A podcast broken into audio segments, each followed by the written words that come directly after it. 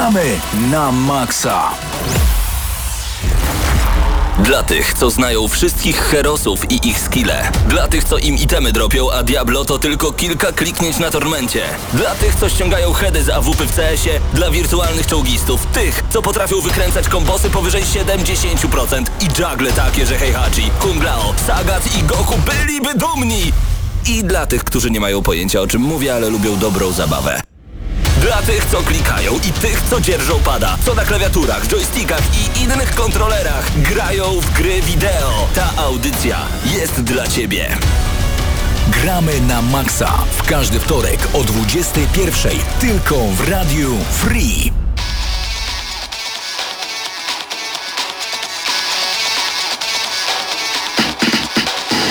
Wiesz co się stało? GNM znów zrobiło comeback. Mam tu rym gadżetów jakbym był Jamesem Bondem. Pięknie. To nie ja, to Don Góralewsko. Paweł Typiak oraz e, Mateusz Widut teraz razem z wami. Tu gramy na maksa. Razem z nami oczywiście większa ekipa, ale teraz my jesteśmy właśnie przy mikrofonach, a także przed kamerami. Witamy bardzo gorąco, szczególnie nowe osoby, które do nas dołączają, a jeszcze bardziej osoby, które są z nami co tydzień.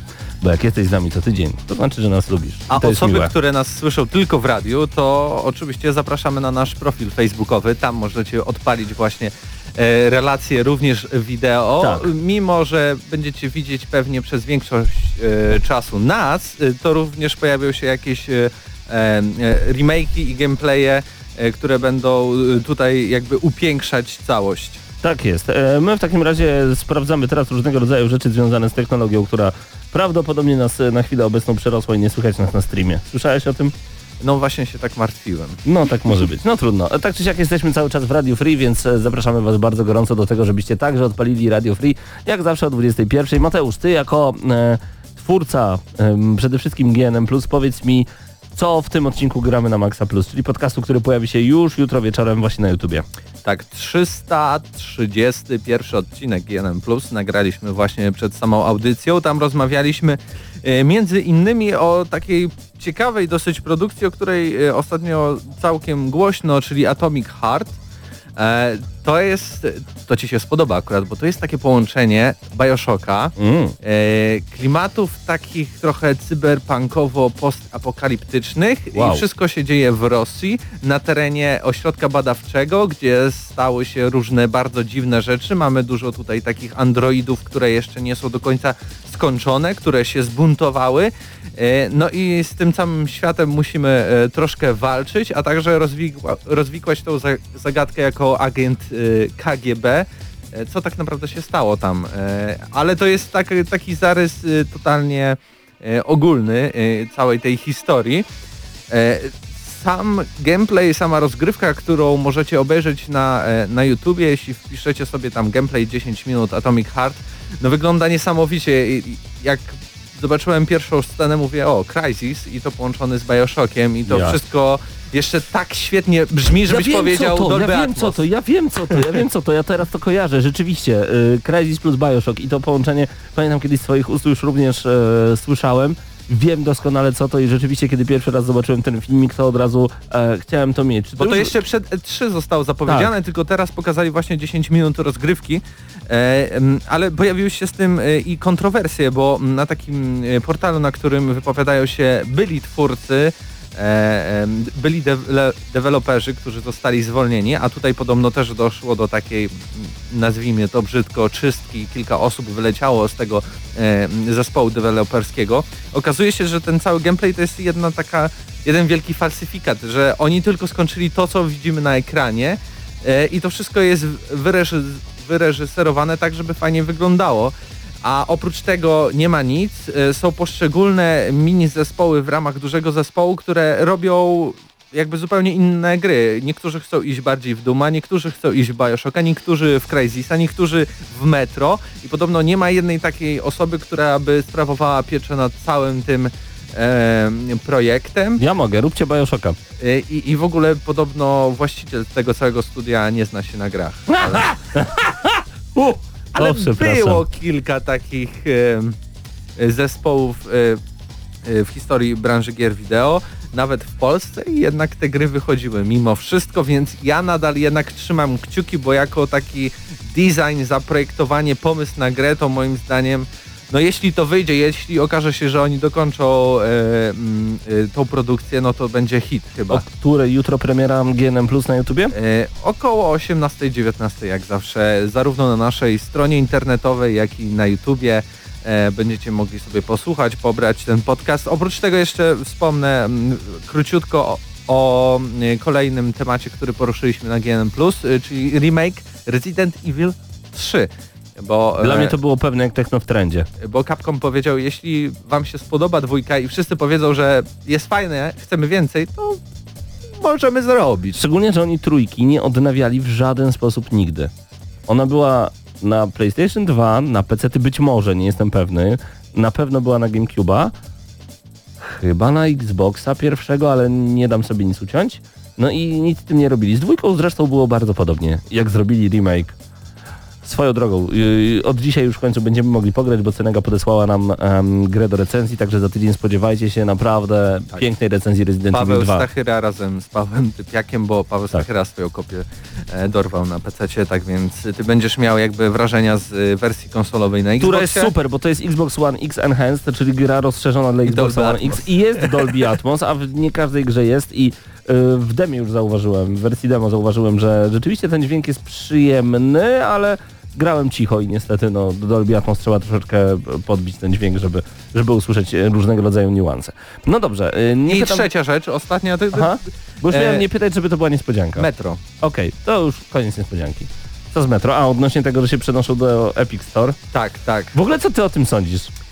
E, Bo trochę- od, razu, od razu powiedzmy o co chodzi. Chodzi o to, że na dwa tygodnie przed premierą e, twórcy Metro, e, Exodus powiedzieli, że gry nie będzie na Steamie, czyli platformie e, PC-towej do, do sprzedaży gier i odpalania gier. I nie korzystam, więc dalej nie wiem, ale będzie na ogromnej konkurencji, bo tak naprawdę przez wiele lat tylko i wyłącznie Epic Store w końcu zebrał taką, e, Epic Games e, zebrali taką ilość pieniędzy, czyli twórcy silników Unreal Engine, a także twórcy Gears of War, I Bulletstorm, Fortnite'a. Między innymi. Właśnie to oni zebrali taką ilość hajsu, żeby móc rzucić rękawicę em, Steamowi i e, kraść im ekskluzyw, że tak to ujmę, ekskluzywem na Epic Games, czyli dalej na, na, na PC-ta, e, na Epic Store właśnie będzie Metro Exodus, czyli trzeba przyznać, że Epic musiał zapłacić ogromną ilość pieniędzy dla I tak i studia. nie. Podejrzewam, że nawet mógł nie zapłacić nic, bo pamiętajmy o tym, że właśnie tą przewagą Epic Games Store jest to, że tam dostajemy naprawdę praktycznie e,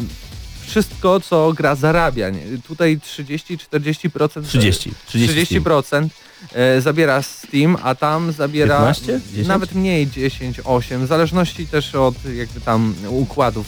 Podejrzewam, że przy takich dużych grach też można e, e, się dogawać, Mhm. dogadać i, i negocjować to wszystko.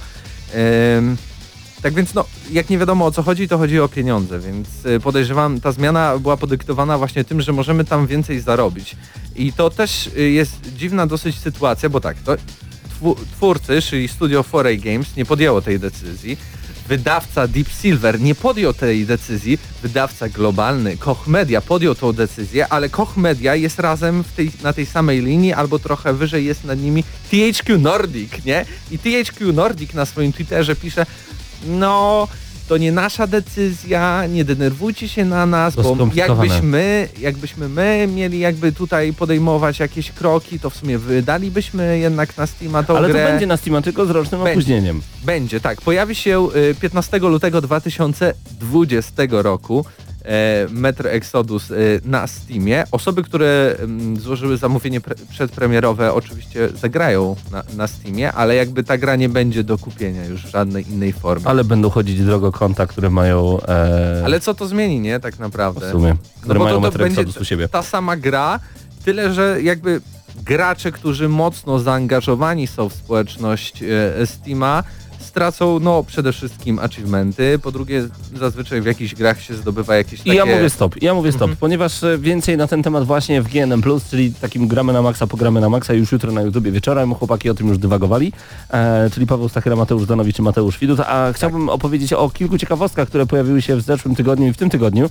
E, znamy pełną ofertę Games with Gold na luty 2019. jest zaskakująca. Dla mnie jest naprawdę ciekawa, Chodzi szczególnie... mi o ostatni tytuł, który razie- będzie z, z trybem wieloosobowym. Pierwszego, dobra, za Xboxa. chwilę. Tak jest, dobra, już powiedzieliśmy wszystko i koniec. Nie, no nie wiadomo No jaki nie. to tytuł. Więc tak, Bloodstained Curse of the Moon e, na Xboxa One. Z, szczerze, na początku myślałem, że to jest jakaś Castlevania. Tak wygląda No okładka. ta, ta okładka z daleka C. faktycznie. Tak, do tego Bomberman R. E, No, świetne. Super Bomberman R. One. Ej, sorry, ale ten Bomberman R był takim prawie system sellerem Switcha.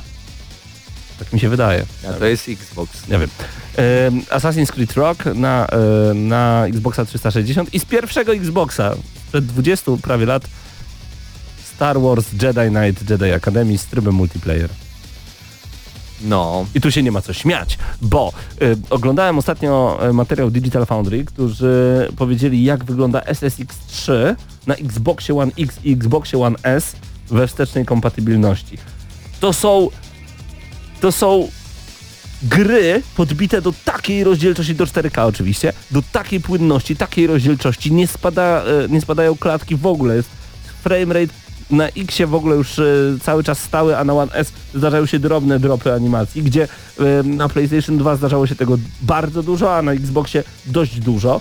I ta gra po prostu to jest jak gdyby nowa gra. Jeżeli ktoś chce sobie sprawdzić, to można, wiesz, za dwie, trzy dyszki sobie kupić wersję jakąś taką używaną z Allegro z pierwszego Xboxa z 2004 roku, tak się domyślam, że mniej więcej może wtedy ta gra wyszła i naprawdę mieć fenomenalną jazdę, jeżeli chodzi o SSX3. Także e, tak to wygląda ze wsteczną kompatybilnością. To jest w ogóle fenomenalne i mam nadzieję, że PlayStation 5 też będzie miało coś takiego, aczkolwiek na razie cieszę się, że w ogóle Xbox poszedł, no ja nie powiem, że po rozum do głowy, bo nikt nie oczekiwał od nich, że oni to zrobią. To było takie, takie marzenie ściętej głowy. Oni to zrobili i to wygląda dużo, dużo piękniej. Może to też y, bardzo ciekawie brzmi, e, jeśli przywołamy plotki sprzed y, ostatniego tygodnia, kiedy to okazało się, że te wszystkie gry, które były teraz w produkcji z uniwersum Gwiezdnych Wojen od Skasowano. Electronic Arts zostały skasowane. Ten Tak. taki z, y, y, Gwiezdne Wojny z otwartym światem, Gwiezdne Wojny Uncharted, to wszystko jest skasowane, zostaje chyba te Gwiezdne Wojny, które mają wychodzić e, pod koniec tego roku, ale zapomniałem właśnie, jakie mają podtytuł. Ale Respawn to robi, ludzie od Tita- Titanfalla 2, więc A, nie, jeśli okej. chodzi o fabu, taki e, film e, interaktywny e, akcji, to na pewno podołają e, temu zadaniu. Bez dwóch zdań. Respawn e, potrafi robić takie rzeczy. E, Nie wiem, czy słyszałeś, ale Quantic Dream podobno nie będzie już wydawał tylko na konsolę PlayStation. Nie, bo chińskie NetEase zakupiło pakiet, ale mm, taki mniejszościowy e, e, studia Quantic Dream. Okej, czy to oznacza, że zobaczymy dużo ich gier nowych, albo chociaż jedną grę na Xboxie? Nie no, jak masz pakiet mniejszościowy, to nie masz nic do A. gadania. Możesz tylko troszeczkę sobie na tym zarabiać. A słyszałeś, że podobno Microsoft chce wykupić The Farm 51? The Fan 51. No nie, Nasze polskie studio. raz...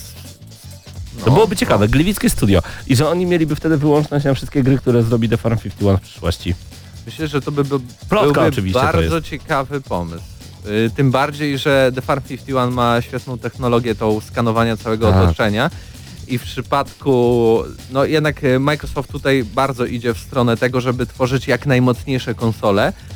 To wydaje się dobrą decyzją, bo tutaj mają taką technologię, która ok, wymaga dużo jakby zasobów y, ym, danego urządzenia, ale Microsoft to dostarcza. Ma konsolę, która ma takie Więc, zasoby. y, wydaje mi się, że dla obu stron będzie to taki pozytywny Ma i to sens. bardzo intratny interes. Dziwne postaci pojawiały się do tej pory w Mortal Kombat. W dziewiątce mieliśmy między innymi Ja widzę już ten tytuł i Fredego Ale Krugera. to Freddy, też- ale poczekaj, no, Fre- no. Krugera mieliśmy między innymi w dziewiątce. W dziesiątce mieliśmy e, Aliena i Predatora. Mieliśmy tam między innymi Leatherface'a z e, teksańskiej masakry piłą mechaniczną. Był też chyba Jason Voorhees z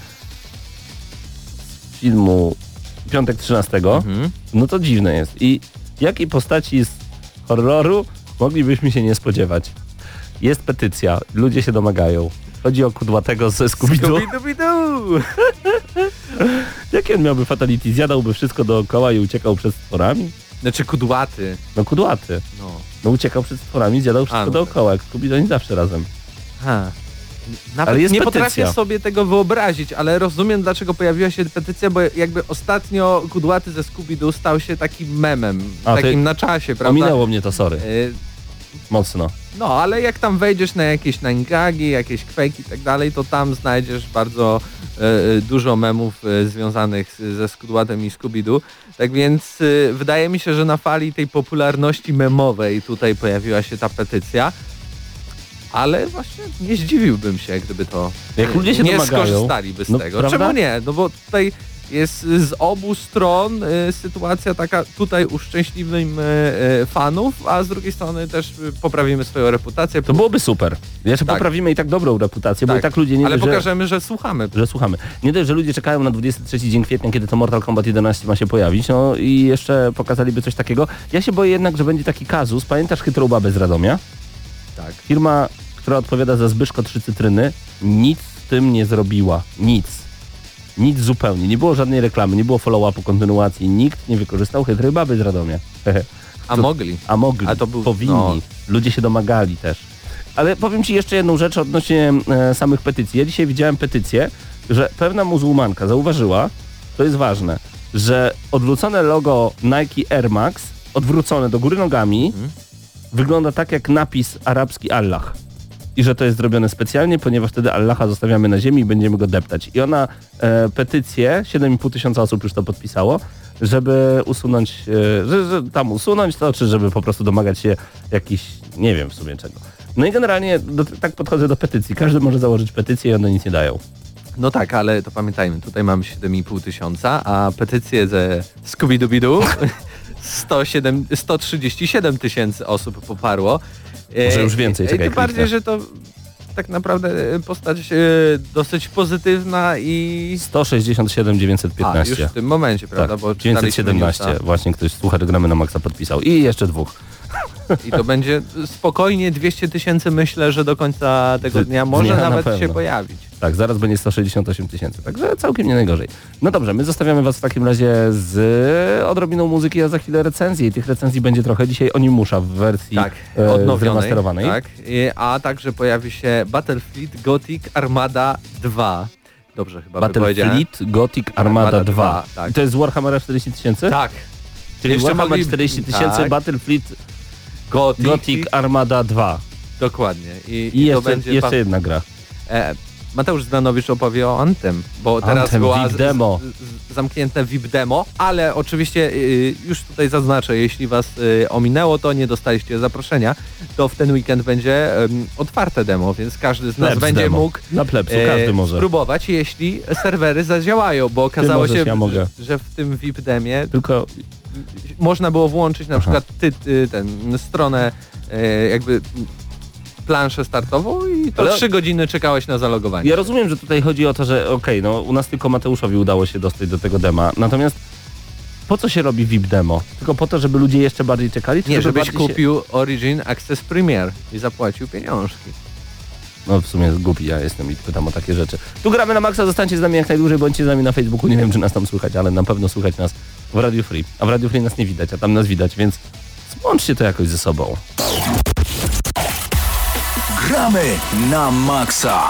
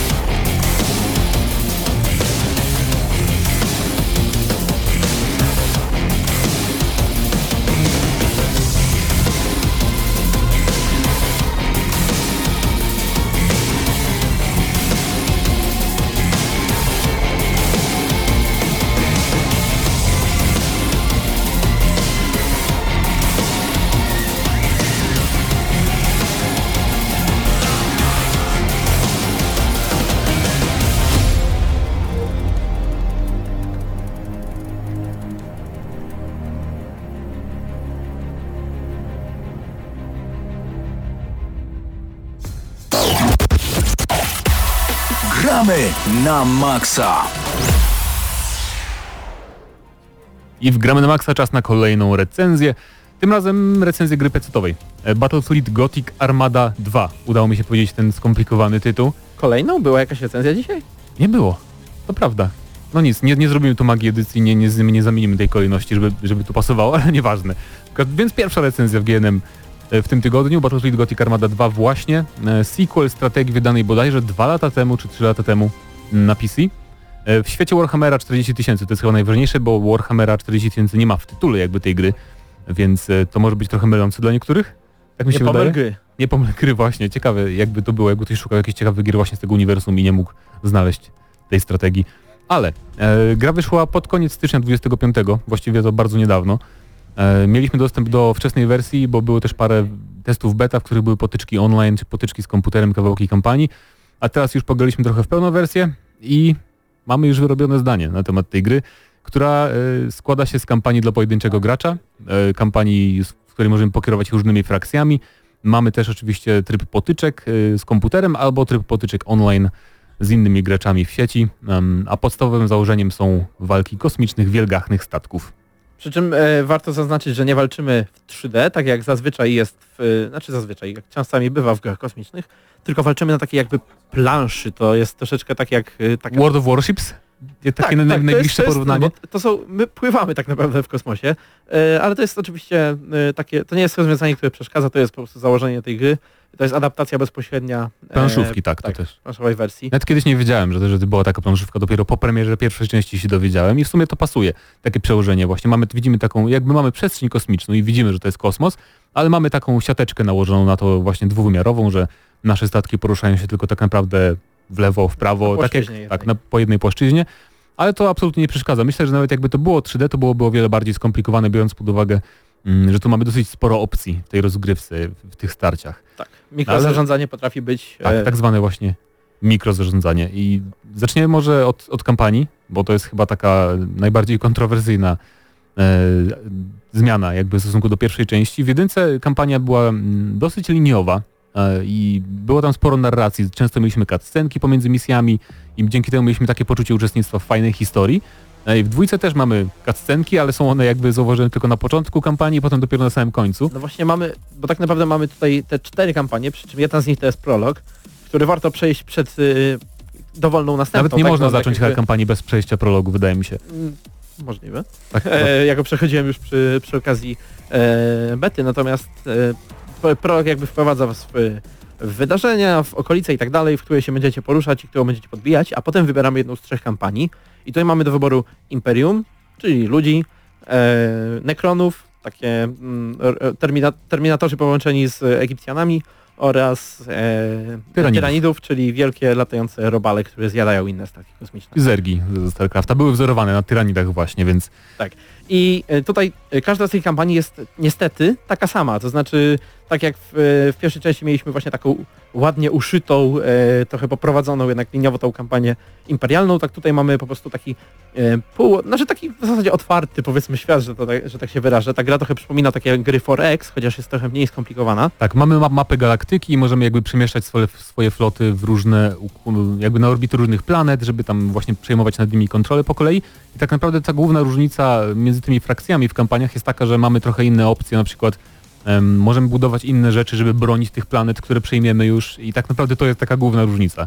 Przy czym nawet nie ma sensu. Tu jest jed, jeden problem na pewno z tą kampanią jest taki, że my jesteśmy tu jedyną tak naprawdę aktywną stroną. Tak, to też prawda. E, to nie jest tak, że mamy ileś tam frakcji, z którymi walczymy, z którymi, które próbujemy wyprzeć, tylko raczej na zasadzie takiej, że my podbijamy po kolei tą, tą mapkę i raz na jakiś czas jesteśmy atakowani, ale to jest naprawdę to jest raczej rodzaj misji, na który się jeszcze mamy czas przygotować, bo jesteśmy ostrzegani wcześniej. To prawda, więc też zauważyłem, że właśnie budowanie tych umocnień planet jest, było niepotrzebnie, tylko było marnowaniem zasobów, za można które było to możemy... zrobić natychmiast, e, kiedy tylko się dowiedzieliśmy, że będziemy zaatakowani w następnej turze. No właśnie, więc y, o wiele lepiej wydawać tą taką walutę, którą tam zbieramy, jakieś punkty na, y, na ulepszanie naszej floty, na tworzenie nowych flut.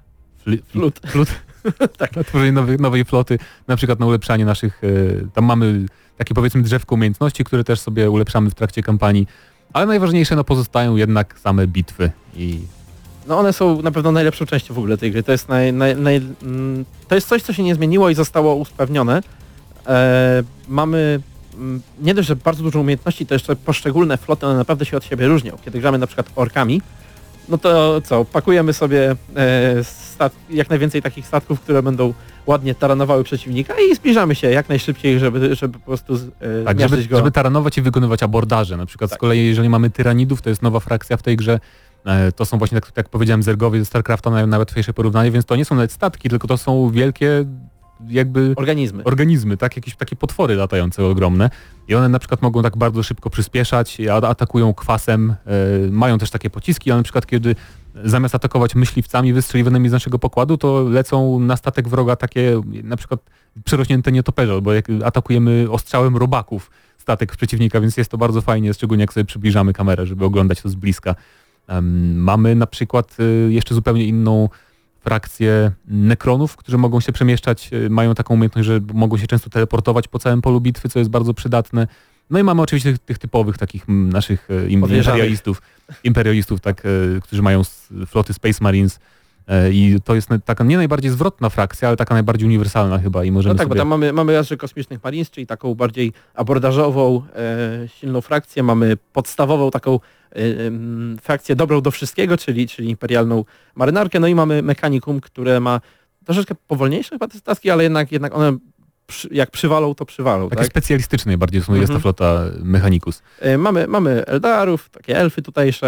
Jest, Mm, są też Tau, których też nie, też nie było w jedynce Tak. chyba. Nie, były dodane później, Później po po premierze. E, Ogólnie jest Warto 12 też frakcji. zaznaczyć, tak, warto też zaznaczyć, że te frakcje, one tak jakby nie są pojedynczymi frakcjami, tylko one się czasami dzielą na podfrakcje, które e, mogą się od siebie mocno różnić, co widać szczególnie przy chaosie, gdzie każdy z bogów ma swoją oddzielną flatę i jednak troszeczkę zmienia się tutaj e, model rozgrywki.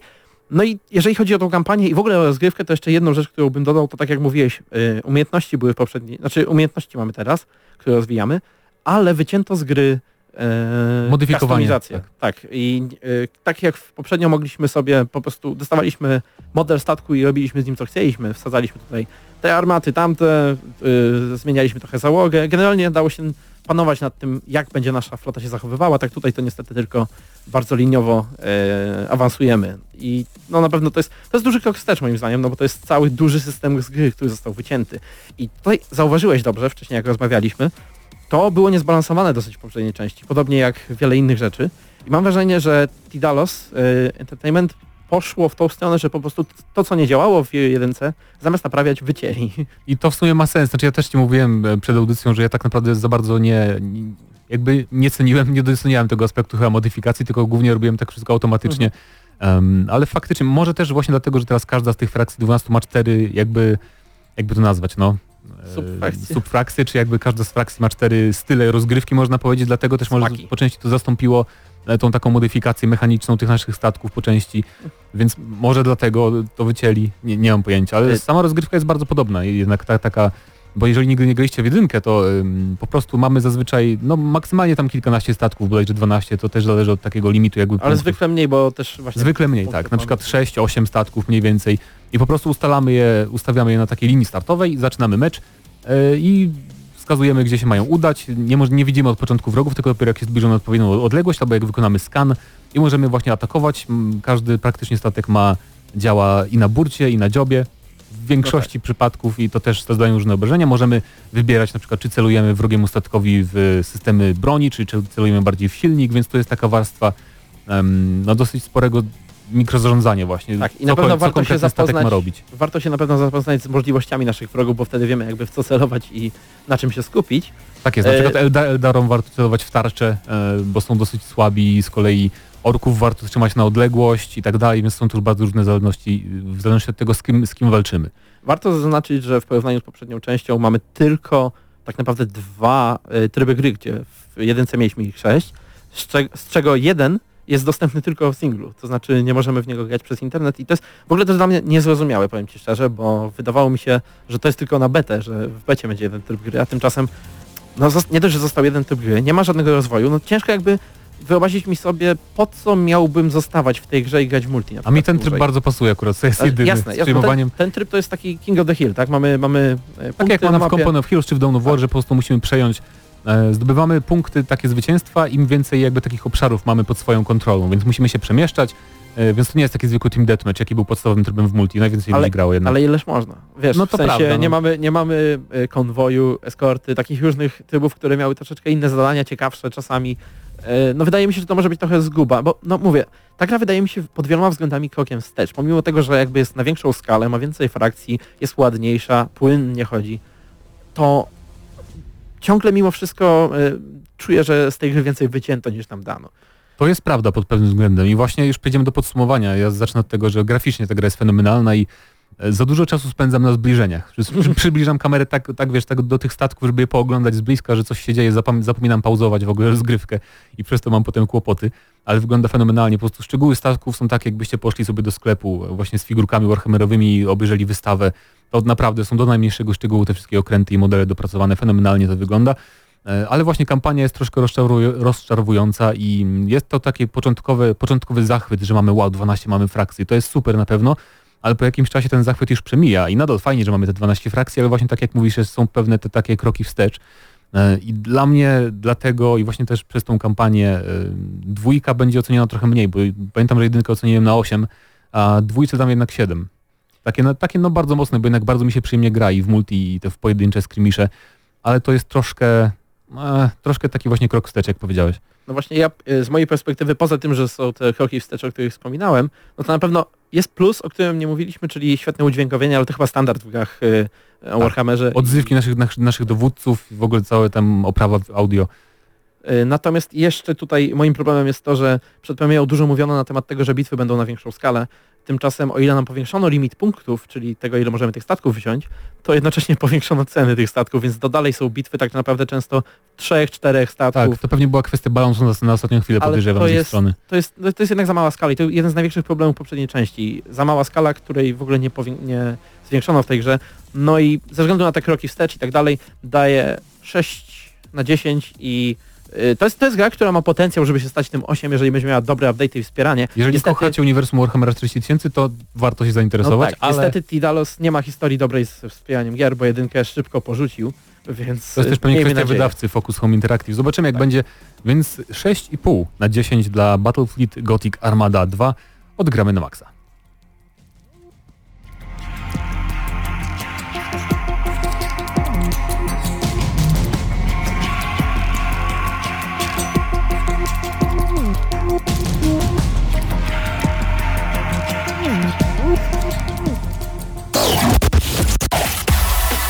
Na maksa.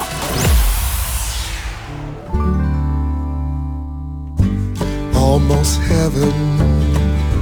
West Virginia, Blue Ridge Mountains, Shenandoah River. Life is all there, older than the trees, younger than the mountains, blowing like the breeze. Country roads, take me home to the place I belong. West Virginia, Mountain Mama, take me home. Country roads, all my memories gather round her. Miner's lady, stranger to blue water dark and dusty, painted on the sky. Misty taste of moonshine, teardrops in my. Country roads,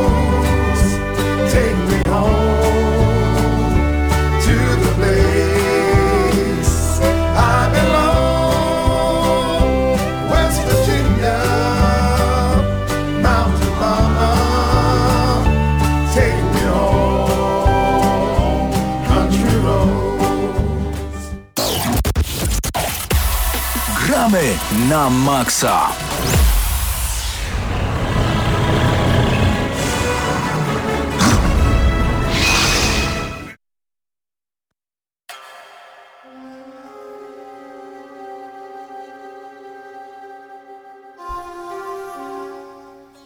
Gramy na Maxa, czas na kolejną recenzję dnia dzisiejszego. Tak, i tym razem to dobrze powiedzieliśmy, bo to jest kolejna recenzja, a ta pierwsza nie była kolejną. Jakby I znowu w roli głównej Mateusz Zdanowicz, a także Krzysztof Lenarczyk, który... Tak, bo recenzujemy Onimusza Warlords, ale tak naprawdę ja recenzuję, a ty dopytujesz, bo ty grałeś w oryginał Onimuszy. Tak, ja w Onimusze grałem, no myślę, że 10-15 lat temu to lekko ręką, bo y, z góry naszym słuchaczom trzeba powiedzieć, że mimo tego, że gra pojawiła się 15 stycznia 2019 roku, to jest to zremasterowana wersja pierwszej Onimuszy z roku 2001. E, dlaczego ta gra powstała? Można też powiedzieć, że mm, niemalże na fali hypu y, remake'ów i tych wszystkich remasterów, które Capcom wypuszcza, bo pojawiło się m.in. właśnie Resident Evil 0, czy teraz y, kompletny remake Resident Evil 2. Y, pojawiła się też przy tej okazji Onimusza i tak naprawdę w związku z tym, y, że ja tę grę zapamiętałem trochę jak rezydenta feudalnej Japonii, to chciałem się zapytać y, Ciebie, czym tak naprawdę ta gra jest i czy dobre mam skojarzenie. E, No ja ci powiem, tak jak mówiłem, nie grałem w oryginał, ale jak odpaliłem remaster, to też miałem wrażenie, że gram w Rezydenta, szczególnie w dwójkę, ten oryginał dwójki. Nie mylmy, teraz będziemy mieć problemy z tymi rezydentami wszystkimi, e, że to jest to samo, ale jeżeli chodzi o, o sterowanie przede wszystkim, to mnie uderzyło. E, mamy, mamy statyczną kamerę w każdej lokacji, e, która nam się jakby no, nie obraca się za bohaterem ani nic takiego, czyli na przykład przechodzimy do kolejnej części pomieszczenia, to mamy taki czarny ekran przez momencik i widzimy wtedy z innej perspektywy ujęcie akcji, e, więc to jest na pewno, na pewno się kojarzy z, Rezi- z tak samo jak zresztą Capcom robił e, Dino Crisis, prawda, który też był bardzo rezydentowy. Ale od początku zacznijmy. W Onimuszy wcielamy się w samuraja, który ma uratować księżniczkę i ta historia jest dosyć prosta, ale są tam takie powiedziałbym polityczne plot twisty ze złym generałem i tam też dowiadujemy się skąd się wzięły te demony w naszym świecie, e, bo akcja się dzieje w feudalnej Japonii, ale tak naprawdę historia nie jest pod żadnym względem ani zaskakująca, ani emocjonująca jak dla mnie. Nie wiem, czy pamiętasz w ogóle co tam się działo ze swojej perspektywy? Szczerze nie za bardzo, ale... No właśnie. Też- Pamiętam, że czerpałem dużą przyjemność z zabijania demonów, a chyba przede wszystkim o to w tej grze chodzi. No to jest prawda. Jeszcze powiem, że też może dlatego, że ta historia tak jest trochę słabo odbierana, przeze mnie przynajmniej, jest okropny dubbing angielski. Przerażający dubbing angielski po prostu. Musiałem zmienić szybko na japoński. Nie dało się w, jakoś z automatu zmienić, czy musiałeś zmieniać język konsoli? Nie, ja grałem wersję PC-ową, e, oni muszy i tam wystarczyło tam pozmieniać coś e, w opcjach, tylko musiałem zrestartować grę. Ale jednak wrażenie pozostało to pierwsze. Okropne, to jest chyba najgorszy dubbing angielski, jaki słyszałem w grach. W Rezydencie oryginalnym było o wiele lepszy, czy w Dino Crisis właśnie, więc tu im się to nie udało masakrycznie. Szkoda, że nie zmienili na potrzeby remastera na przykład e, audio zupełnie. E, Ale- Przejdźmy może do, do mięska w takim razie, tak powiedziałeś, co jest złe, co jest złe, to może powiedzmy, co, co jest dobre, bo skoro lądujemy w feudalnej Japonii i, i jakby anihilujemy, może to będzie odpowiednie słowo, hordy No tak, rozpadają się. demonów, które tam się pojawiły, to czy system walki, który ja zapamiętałem jako dość prosty, który pozwala nam łączyć w takie no, mało istotne powiedzmy kombosy, e, czy to jakby się zmieniło, czy to dalej jest taka w miarę prosta gra i, i czy można czerpać z tego sporą przyjemność? Walka jest przyjemna, powiedziałbym, ale jest też troszeczkę archaiczna. Może to przez tą kamerę i to, jak, jak sterujemy postacią, ale walka opiera się tylko na tym, że zadajemy ciosy. E, Na początku mamy tylko miecz, potem zdobywamy jeszcze parę innych broni, chyba trzy bodajże odblokowujemy dodatkowe bronie. Jakieś tam magiczne ataki, bo nasz bohater oczywiście jest na początku pokonany przez demony, a potem e, jakby bogowie dają mu jakąś magiczną moc, dzięki której może wchłaniać duże pokonanych, pokonanych demonów i mamy dzięki temu różne magiczne ataki, na przykład taką serię elektrycznych ciosów i, i takie tam różne. Ale walka polega głównie na tym, przynajmniej ja tak grałem na normalnym poziomie trudności, że zadajemy tam dwa, trzy ciosy, cofamy się szybciutko, bo wtedy wróg zdąży jakby zadać swój cios, prawda, nie trafi nas, bo odbiegamy z powrotem do przeciwnika, zadajemy mu kolejne ciosy i tak to wygląda. Troszkę mi się to kojarzy z Soulsami, bo takie wiesz, że podchodzimy na chwilę, zadajemy ciosy, odskakujemy. Odskakujemy i bijemy. Tak, więc, więc takie drobne właśnie skojarzenie. Siłą rzeczy to, no walka nie jest podobna do Rezydenta, bo jednak tam mamy strzelanie przede wszystkim, a tylko nożyk nie jest jakby tym samym co miecz w Onimuszy właśnie.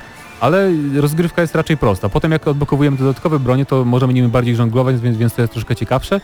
Ale właśnie jak odblokowujemy te wszystkie bronie e, i potem gramy, to gra się kończy, bo mi przejście zajęło bodajże 4 godziny 40 minut. Yy, nie wiem, może powinienem zacząć od najtrudniejszego poziomu e, wyzwania, może to by trochę zmieniło e, zmieniło czas gry, pewnie tak, ale nie jest to długa gra, kosztuje 80 bodajże 5 zł. W sumie to nie jest aż taka zła cena, ale mi najbardziej przeszkadza w Onimuszy, że to nie jest trylogia od razu. Bo pamiętam, bo bo w dwójkę już grałem i w trójkę przez, przez jakiś moment i pamiętam na przykład, że trójka była już o wiele fajniejsza, nie było tej statycznej kamery tak samo zrobionej, była trochę unowocześniona i to był taki bardziej już slasher nawet, trójeczka jak, jak Devil May Cry nawet momentami, więc tak samo jak Capcom niedawno wydał trylogię Devil May Cry, prawda? To była cała trylogia gier w HD Mm, A tutaj zdecydowali się tylko na jedną część, więc to jest troszkę Znaczy, rozczarowujące. to teoretycznie najbardziej znaną chyba, przynajmniej jeżeli No chodzi tak, o tę serię. Chodzi, chodzi mi o to, że mm, bo tutaj nazwali to Onimusza Warlords, jest podtytuł i nie mają po prostu, że to jest HD w nazwie, a tak naprawdę to jest po prostu port HD. No to, to jest to jest rozczarowujące, że tu nie ma żadnych tak naprawdę mm, ciekawych nowości. Graficznie to jest po prostu tak jakbyście na PC w starej, w starej wersji sobie zainstalowali moda HD po prostu widescreen y, 1080p. Wyprzedziłeś moje pytanie, bo tak naprawdę jeżeli to jest y, wersja odnowiona, zremasterowana, to należałoby zadać, co tak naprawdę w stosunku do, do tej starej gry się zmieniło, bo, bo z tego co wiem, co widziałem, to dalej mamy y, statyczne tła dwuwymiarowe w, Tak jest. w Mhm. średnio dodatku podbitej rozdzielczości, bo to nie wygląda jakoś fenomenalnie nawet dzisiaj.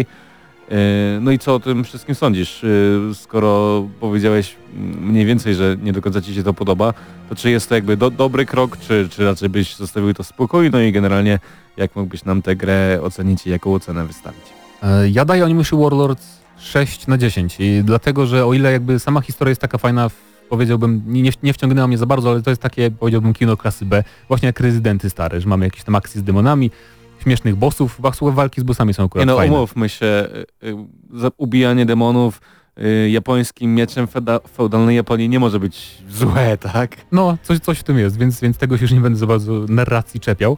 No, aczkolwiek właśnie dlatego, że ja nie grałem w oryginał, to grając w ten remaster poczułem taki straszny archaizm tej rozgrywki, że jednak ta statyczna kamera i to, że na przykład nawet jak nie przychodzę do innego pomieszczenia, ale walczę z, walczę z przeciwnikami na takim dziedzińcu i tylko centymetr w złą stronę postawiłem krok i już się mi przełącza kamera na inną perspektywę, już walka wygląda zupełnie inaczej wtedy. To było troszkę męczące i po prostu rozgrywka na dłuższą metę jest taka irytująca i frustrująca. Jeżeli nie jesteśmy przyzwyczajeni do tego właśnie oryginalnego. Jedynym ulepszeniem jest to, że mamy sterowanie mm, gałką analogową. Wiesz, że możemy się poruszać nie tylko w cztery strony jak w oryginale, ale tak naprawdę dookoła naszej Czyli postaci. twierdzisz, że tę grę można ocenić jednoznacznie, czy raczej byś... e, Znaczy, jeżeli miałbym oceniać oni muszę Warlords jako nie remaster, tylko jako całe, całe doświadczenie, tak, to, to byłaby pewnie troszkę wyż wyższa ocena, a jednak oceniamy remaster, tak, więc e, za ten brak jakby wkładu w, w jakiekolwiek fajne poprawki, czy jakieś lepsze zremasterowanie, czy jakieś dodatki, nowe misje i tak dalej, e, to na pewno będzie 6 na 10. 6 na 10 dla Onimusza Warlords od Gramy na Maxa i dziękujemy firmie Cenega Polska za dostarczenie kopii do recenzji.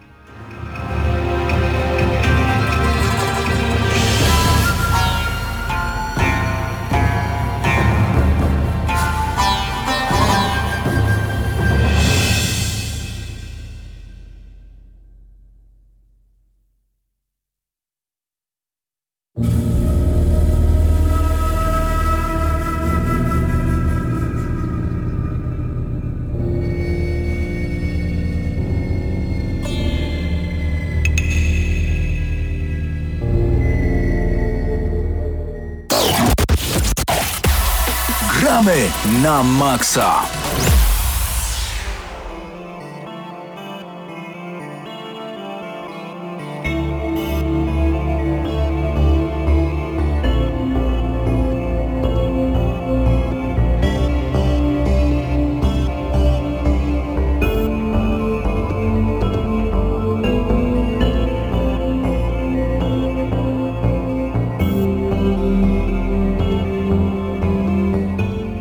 Jako, że w tle wybrzmiewa e, soundtrack prosto z Mass Effecta 2, to porozmawiamy o innej grze BioWare'u, która jednak jakby tak, e, jeśli chodzi o design, to, że to jest e, w przyszłości, science fiction i tak dalej. Anthem. E, W ostatni weekend odbyła się e, zamknięta beta, Odbyła się w cudzysłowie. demo Próbował- VIP. Próbowało prawda? się odbyć tak to demo, bo No właśnie, moje pierwsze pytanie, czy udało się zagrać? Em, udało się zagrać. To jest tak, że demo em, ruszyło 25 bodajże z kwietnia, chciałem powiedzieć stycznia. Miało ruszyć od 18, pierwszy raz udało mi się zagrać o godzinie 23, ponieważ, ponieważ wcześniej udało mi się tylko włączać menu główne i nieskończony ekran ładowania misji, więc to był pierwszy problem. E, Później były problemy też y, z tym, że po udanej rozgrywce, po udanej misji y, zdarzało się coś takiego, że po prostu e, jak chciałeś wrócić do głównej bazy, to do widzenia i gra się krzaczyła i trzeba było resetować całego Origina, ja grałem na PC. Włączać grę na nowo i może miałeś szansę, że cię wrzuci z powrotem do tego świata gry, więc pod względem technicznym to jest, to było najgorsze demo, najgorsza beta, w jaką grałem w ciągu ostatnich lat, naprawdę. Ja jestem trochę przerażony, bo pełna wersja wychodzi 15 lutego będzie już na, origin, na dla abonamentów premiery. E, W przyszłym, znaczy nawet w, te, w ten weekend odbędzie się już taka mm, otwarta Otwar- beta, otwarte otwarte, demo, tak, otwarte demo, każdy będzie mógł zagrać, ale jeszcze tutaj zaznaczę, e, że te serwery padły, ale nie tylko dla samego Anthem, ale także i inne gry, między innymi FIFA 19 zostały poszkodowane w tym wszystkim, a przypomnijmy, że jednak to było jakieś taka dla ograniczonej e, grupy odbiorców, bo tak, musiałeś mieć albo Origin Access Premier, albo musiałeś e, e, złożyć zamówienie przedpremierowe na Albo mieć Anthem. znajomego, który Tak. dał ci kod. Ale to, to jedna osoba mogła zaprosić maksymalnie trzy osoby, ale to nadal nie było tak, że każdy, kto chciał, mógł zagrać, bo na przykład ja No nie, nie. zagrałem jednak, Przepraszam. ale może Dam ci następny kod Yy, innym razem. to też dla słuchaczy, którzy pierwszy raz słyszą o Anthem, to może tak ogólnie trochę. Anthem jest grą, którą e, nazywałbym ten cały gatunek MMO Light, czyli MMO w wersji takiej bardziej przystępnej, czyli nie, nie World of Warcraft, tylko Destiny właśnie, albo Division i to jest, to jest ten sam gatunek, co te dwie wymienione gry, e, ponieważ całość opiera się na tym, że wyruszamy na kolejne misje e, i żeby zdobywać loot i rozwijać naszą, naszą postać. I oczywiście jest niby tło fabularne i nawet jest jedna fajna postać poboczna, z którą niestety rozmawiamy tylko w bazie, w mieście głównym i tyle, bo nie, za, nie zabieramy ze sobą postaci na misje niezależnych, tak jak w innych grach BioWare'u. E, ale to właśnie to nie jest, jakby pod względem rozgrywki i struktury to nie jest absolutnie Mass Effect, to nie jest Dragon Age, to jest właśnie Destiny albo Division. Przy czym rozgrywka jest o tyle inna, że w Anthem możemy latać. I to Tak. jest najfajniejsze I to mnie. trochę wygląda jak Iron Man, bo Tak, te tak, tak, zbroje jednak są takie bardzo masywne, które sprawiają też wrażenie, że ta nasza postać jest jednak trochę bardziej ociężała, ale zarazem może przyjmować więcej jakby obrażeń e, e, na, na swoje No, ciało. I jest, jest jeden taki javelin, bo javeliny się nazywają te egzoszkielety, który jest na przykład bardzo kruchy i dos, dosyć szybko ginie, ale bardzo szybko może się poruszać. Są, bo są cztery różne właśnie javeliny do odblokowania. I co będzie fajne w pełnej wersji to to, że nie musimy tworzyć jakby nowej postaci gry od nowa, żeby jakby grać inną klasą, czyli tym innym javelinem, tylko będziemy mogli się po prostu między nimi przełączać, więc to jest bardzo fajne, bo w Destiny zawsze mnie to denerwowało, że chcę nową klasę, graję od początku samą kampanię, więc tu tego nie będzie na szczęście. Mm, Ale tak samo jest na przykład z lootem, zdobywamy nowe przedmioty, żeby dopiero je jakby wyekwipować, musimy wrócić do bazy, czyli tak samo jak w Destiny właśnie mamy, więc to jest troszkę takie, zawsze mnie trochę irytowało w grach tego typu. Ale mm, mówię, są misje fabularne, y, które nie mają cutscenek jakby w takich samych misji, chyba że to takie główne na początku gry chyba będą mieć jakieś cutscenki, ale te jakby już takie, no jak już zaczynamy grać te ileś tam godzin, to są takie misje, że poleć na miejsce, pokonaj przeciwników głównie, e, wciśnij jakiś przycisk, ewentualnie pokonaj bossa, wracaj, więc to nie jest nic takiego wyreżyserowanego, wiesz, jak właśnie w Mass Effectach. Nie chcę, nie chcę tu, żeby ktokolwiek miał wrażenie, że to jest gra Mass Effect style, tak, że to jest coś w stylu właśnie Mass Effectów, czy takiej singlowej przygody, bo nie jest. Bo jednak perspektywa jest y, za, y, czy jakby pers- perspektywa trzeciej pleców, tak, osoby obserwujemy. y, za pleców, ale też chciałbym się ciebie zapytać, może to takie pytanie y, dosyć prymitywne, ale jednak te, mm, świat, on jest bardziej tunelowy, bardziej półotwarty, Mm. otwarty. To jest coś takiego jak w jest- Destiny, że niby tam masz różne jakby poziomy. On jest bardziej otwarty niż w Mhm. Destiny. Ja bym porównał ten świat, w sumie trudno mi porównać do jakiejś gry, bo są bardzo duże, rozległe lokacje, ale z racji tego, że możemy latać, to twórcy musieli to jakoś ograniczyć, więc mamy pasma górskie najczęściej nas, nas ograniczają i kiedy chcemy spróbować polecieć wysoko, oczywiście każdy gracz musi, musi spróbować takiej rzeczy, w takiej grze z lataniem, to bardzo zaczyna się nam przegrzewać nasz javelin i tak musimy opadać, więc jest to w ten sposób ograniczone, ale te otwarte przestrzenie są takie no spore. Powiedziałbym, że na pewno większe niż w Destiny mamy, więc tutaj nie będziemy aż, takiej klaustrofobii jak w niektórych lokacjach w grze od Bungie. A jeżeli chodzi o walkę, to używamy różnych broni. Mamy dwie bronie zawsze wyposażone, to mogą być shotguny, snajperki, zależnie też od klasy, jaką mamy. Ale przede wszystkim bardzo często używamy naszych umiejętności specjalnych, czyli też zależnych od, no, od naszej klasy, od Javelina. Czy to może być jakaś wyrzutnia rakiet, na przykład taki Javelin Tank Colossus ma moździerz dosłownie, który wystrzeliwuje serię pocisków na wroga. E, Mamy też Javelina, który jest jakby, no, no, to dziwnie zabrzmi, ale jest magiem tak naprawdę, bo wiesz, razi prądem, tam jakieś lodowe pociski zsyła na wrogów, więc jest to bardzo różnorodne i co ciekawe, te nasze umiejętności, mamy zawsze dwie dostępne, czy tam trzy w sumie, ale one też są zdobywane jako, jako lód, jako przedmioty, które wypadają z przeciwników, więc to jest takie fajne, że grając zdobywamy nie tylko nowe bronie, ale też nowe umiejętności do wyposażenia, więc to jest takie dosyć niespotykane w tych grach, wydaje mi się. Ale na pewno możesz ulepszać te E, umiejętności. tak, możemy je ulepszać, zdobywamy jakby nowe wersje tych um- umiejętności, lepsze, bo tam są te wszystkie stopnie jakby lutu przedmiotów, czyli normalne, rzadkie, Ale to musisz też jakby wylosować następną jakby poziom tej umiejętności, czy to E, jest zdo- jakby wszystko tak... zdobywamy, jakby zdobywamy. Mhm. Możesz, wiesz, zdobywasz na początku na przykład, o zdobyłem wyrzutnie granatów poziom tam normalny, a potem możesz zdobyć rzadki, która będzie trochę lepsza i tak dalej. Będziemy mogli to też potem je modyfikować, więc mi się na pewno podoba właśnie to w tej grze, że bardzo często w walce używamy tych umiejętności specjalnych, dzięki temu jest bardzo, bardzo efektowna ta walka. E, Zadam ostateczne i finalne pytanie, ale e, wiem, że to jest jedna z najbardziej wyczekiwanych gier tego roku przez Ciebie. Jednak Eee. przynajmniej w pierwszej połowie 2019 Nie powiedziałbym, roku znaczy moja sytuacja jest też taka, to no, bar- bardzo czekałeś Warto disclaim, taki disclaimer, że ja mam abonament Origin Access Premier jeszcze ważny przez parę miesięcy,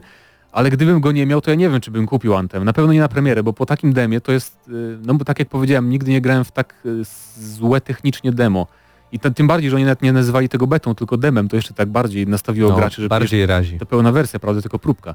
Więc e, ja bym się, na pewno jeżeli interesujecie się Anthem, to zagrajcie w to otwarte demo, które będzie w następny weekend. Jeśli będzie działać. Tak, bo sprawdzicie, czy jak będzie wam działać na waszym komputerze, jak tam na konsoli będzie działało, ewentualnie wtedy rozważcie zakup. Ja na pewno zagram w pełną wersję, bo lu- lubię takie looter shootery, tak? Bo to jest angażujący taki ciąg rozgrywki, że coraz to lepsze przedmioty, ale nie wiem, czy bym polecał. No na Tak, pewno y, w przyszłym tygodniu i my się tutaj podzielimy naszymi wrażeniami już y, z, z tej otwartej wersji dema, E, a za chwilę y, po mojej przerwie muzycznej przejdziemy do bardzo ważnej informacji związanej z FIFA 19, bo tu wiele razy się pojawił ten tytuł na antenie Bo już e. Radia Free, a no, FIFA 19 działa, ale co się z nią w ogóle dzieje w innych krajach? Ola Boga.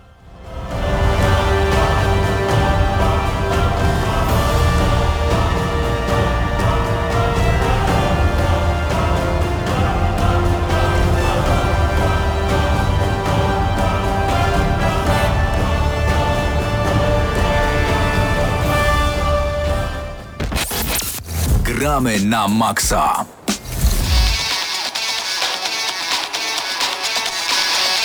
Wiadomo, że jeżeli będziemy mówić o FIFA 19, to razem ze mną Krzysztof Lenarczyk. Cześć Krzysiek, raz jeszcze Cię witam. No w końcu, cześć. No w końcu, Krzysztof, e, chcesz powiedzieć troszeczkę o lootboxach, czyli o skrzynkach i o paczkach, które można kupić za prawdziwe pieniądze, które dają nam wirtualne karty, wirtualne bonusy, bronie, zawodników, stroje. Nie tylko o FIFA będziemy mówić, bo stała się rzecz bardzo dziwna w Brukseli. Mów. Czy na tyle dziwna, że mm, Electronic Arts, zresztą wszystko zaczęło się od Electronic Arts tak naprawdę i od Battlefronta 2, który wywołał burzę, ogólnoświatową burzę dyskusyjną na temat lootboxów. I tak naprawdę chyba największym przegranym tego wszystkiego będzie także Electronic Arts, bo em, okazało się, że po tym jak firma Blizzard e, jakiś czas temu usunęła swoje skrzynki z zawartościami tam z, z, ze skórkami dla bohaterów Overwatchu i tak dalej, e, mm, inne firmy, takie jak Valve, musiały usunąć skrzynki z Counter-Strike'a na terenie Belgii. Tak teraz e, z końcem e, stycznia okazuje się, że również w FIFA 19 e, nie do końca znikną paczki z zawodnikami z tejże gry, ale zostanie zablokowana wewnętrzna waluta, którą można e, kupić za prawdziwe pieniądze. To znaczy w grze zostanie waluta, którą możemy zarabiać, ale nie będziemy mogli za własne pieniądze dokupić sobie tej ekstra super waluty, za którą te paczki, e, właściwie tylko paczki można otwierać, bo z tą walutą em, premium powiedzmy nie można było nic innego robić. E, wynika to z tego, że proces, który e, w Belgii został wytoczony Electronic Arts nie poszedł do końca po ich myśli i oni jakby na łamach ugody trwającego procesu e, doszli do tego wniosku, że wyłączenie mm, FIFA e, będzie pewną niedogodnością oczywiście dla graczy. E, gracze, którzy, którzy posiadają tę wewnętrzną walutę dalej będą mogli ją wydawać, ale od e, 1 lutego ona nie będzie dostępna na terenie Belgii w sprzedaży. I teraz w związku z tym pojawia się szereg różnych pytań. Czy de facto państwo powinno zajmować się takimi rzeczami? Bo jeżeli chodzi o dzieci, to moim zdaniem od pilnowania dzieci są rodzice, a nie państwo i wydawca gry. No bo dlaczego jakby no nie żyjemy w Związku Socjalistycznych Republik Radzieckich, żeby ktoś miał kontrolować y, odgórnie, co nasze dzieci mają robić. Powinniśmy my sami je kontrolować. A z drugiej strony to tak naprawdę ogranicza y, w dużej mierze e-sport w Belgii, bo bardzo słynny, w sumie chyba najlepszy obecnie belgijski gracz Stefanio Pinia na Twitterze powiedział jasno, że jeżeli chodzi o e-sport FIFA w, y, na terenie Belgii, no to to jest koniec, bo tak naprawdę wszystkie kluby na świecie posiadające profesjonalnych graczy inwestują duże ilości gotówki, żeby ci gracze posiadali jak najlepsze składy, a skoro w Belgii nie będzie się dało tego robić, no to Stefanio Pinia czy inni jego koledzy będą musieli y, robić to jakoś powiedzmy naokoło. E, z drugiej strony też pojawia się inny problem związany z tym, że no każda prohibicja, chyba każdy wie, zwiększa jakby szarą strefę danego tematu, bo pojawił się, pojawił się szereg pewnie różnych firm, który, który umożliwi transfer tych FIFA Pointsów z innych krajów, jakoś przelewanie przez konta, zmienianie regionów i tak dalej, co będzie pe- pewnie bę- jest oczywiście niezgodne ze wszystkimi regulaminami, ale kto tak naprawdę będzie patrzył, gdy komuś to będzie potrzebne. No i jakby firmy, które będą sprzedawały tą, tę drugą walutę w grze, czyli monety.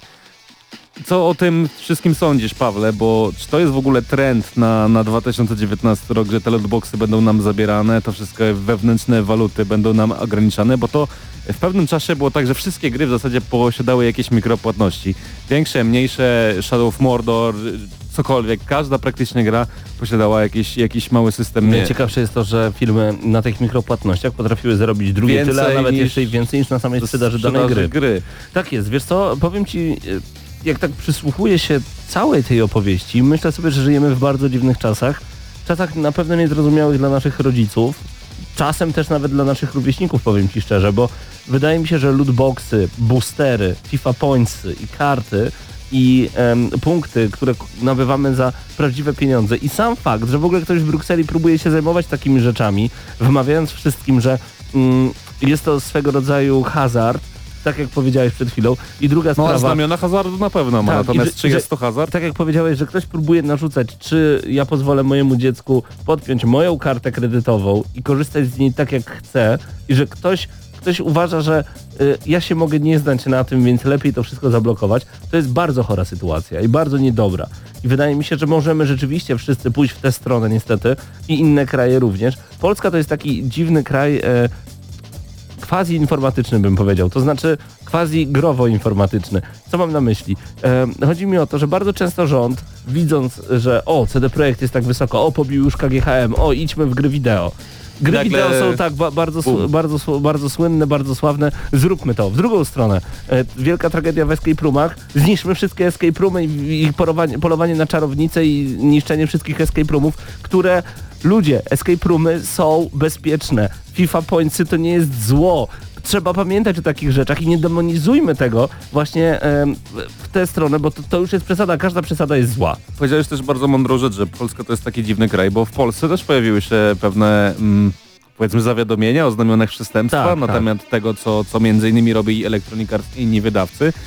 E, ale właśnie tak z drugiej strony, tak, jak tak sobie o tym wszystkim myślę, to dlaczego my odgórnie mamy komuś cokolwiek zarabiać? Jeżeli ktoś jakby też chce wydawać swoje ciężko zarobione pieniądze na, na daną mikrowalutę powiedzmy, to czemu ma tego nie robić? No jakby mnie, my jako ludzie czy jako państwo myślę nie powinniśmy nikogo ograniczać, ale wiem, że jest bardzo dużo osób, nawet w Polsce, które są na przykład za tym, żeby takie mikropłatności e, likwidować, czy w FIFA, czy w innej grze, bo oni twierdzą, że to jakby zwiększa ten element pay, tak zwanego pay to win.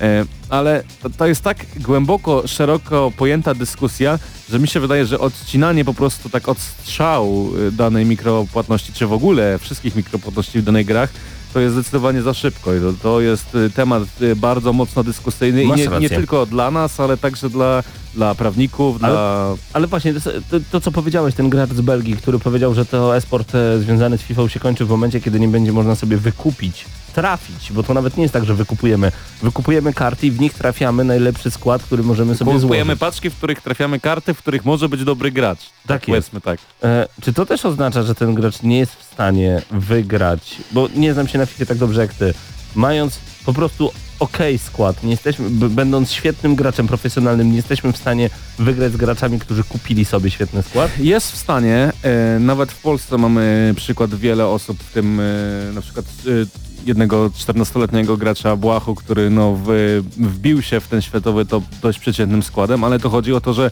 na początku FIFA na starcie, kiedy pojawia się szereg różnych turniejów międzynarodowych, na które najpierw trzeba się zakwalifikować, to znaczy w tym momencie powiedzmy była to pewna weryfikacja wbijając Elite 1 w trybie Foot Champions, e, no powiedzmy w przyszłym roku może być to jakoś inaczej, to później trzeba się jeszcze przebić przez ten turniej grając swoim składem i wtedy, gdy rywalizujesz z innymi graczami, którzy na, na etapie powiedzmy pierwszego miesiąca mają składy za 10, 15, 20 milionów końców, czy tych, tych Ile to jest w złotówkach? nie jestem w stanie ci przeliczyć, bo y, przeliczanie końców na pieniądze nie jest do końca legalne, więc może nie powinienem nawet tego robić. Dlaczego to nie jest legalne? E, no po prostu jest niezgodne z wewnętrznym regulaminem e, Electronic Arts, a e, generalnie No ale za, czekaj, czekaj, za konkretne złotówki kupujemy konkretną ilość kupujemy końców. FIFA Pointsy. Pointsy. To są takie zielone, y, druga waluta w grze. W FIFA są dwie waluty. Są monety, o których mówiłem. To jest waluta wewnętrzna, którą teoretycznie nie możemy kupić, nie możemy sprzedać. I to są.